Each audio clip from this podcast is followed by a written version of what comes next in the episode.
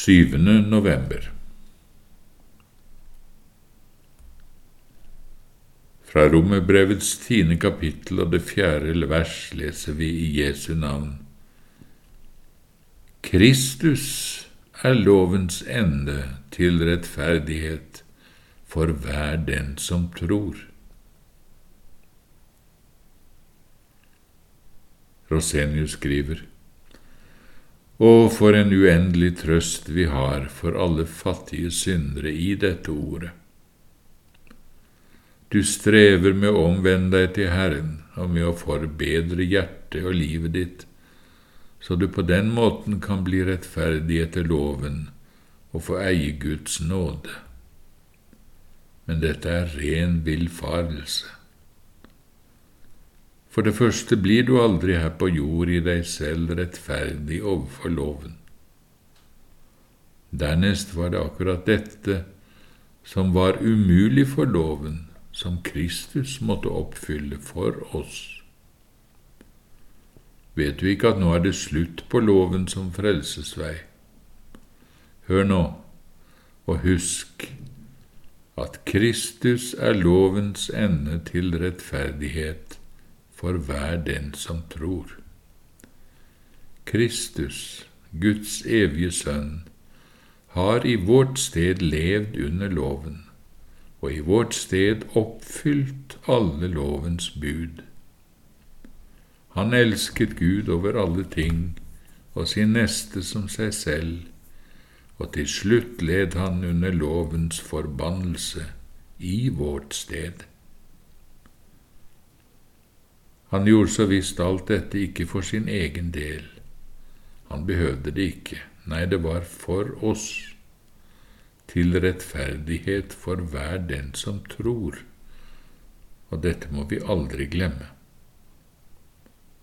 Kanskje du en gang begynte å tro på ham, men så fikk du se deg så syndig og dømt under loven at du mistet motet. For loven er jo også Guds ord, og den krever mye som du ikke er i stand til. Du skulle for eksempel i det minste elske Gud av hele ditt hjerte. Du skulle være gudfryktig og alltid ha hjertet vendt mot Herren. Du skulle være varm og utholdende i bønn. Du skulle være oppriktig takknemlig for all Guds nåde, og være alvorlig opptatt med å døde kjødet men du finner så mye av det helt motsatte i deg. Likegyldighet, ugudelighet og lettsindighet. Og du kan slett ikke tro at Gud vil være nådig mot deg og se med velbehag på deg. Men dette er igjen å streve med din egen rettferdighet og prøve på i egen person å kunne bestå overfor loven, og dette er villfarelse. I deg selv vil du aldri, så lenge du lever, kunne bli rettferdig overfor loven. Men Kristus er lovens ende som rettferdighet for hver den som tror. I Kristus eier du nå samme rettferdighet og samme velbehag i Guds øyne som om du selv var helt fullkommen etter loven. Tenk over dette, og glem aldri at Kristus er Guds barns rettferdighet, og at det er slutt på loven som veien til frelse. Det er bare som en kjær rettesnor for livet og en nødvendig tukt for kjødet at Guds barn ennå har bruk for loven. Når det gjelder vår frelse, vår rettferdighet eller vår fullkommenhet overfor Gud, da er det fullstendig slutt med loven. For det er en gang for alle avgjort at vi i oss selv alltid er fordømt overfor loven. Vår fullkomne rettferdighet ligger allerede ferdig for alle og enhver i Kristus. Men og er dette sant? Da burde vi sannelig også våkne opp for dette, og i stor fryd burde vi løfte hodene våre og i all evighet prise og opphøye så stor en nåde og frihet. Og det er slett ikke nok at vi bare forstår dette. Det må av Guds nåde bli åpenbart for oss. Så må vi bestandig øve vår samvittighet opp i å bruke denne frelsende sannheten i vårt daglige liv, under nåden og i helliggjørelsen. Luther sier, med disse ordene vil et menneske kunne verge seg og bestå overfor djevelens angrep og anfektelser, enten det gjelder synder vi har gjort, eller i øyeblikket fristes til, slik at en altså skiller disse to tingene klart fra hverandre, samvittigheten og vårt ytre liv, tro og gjerning.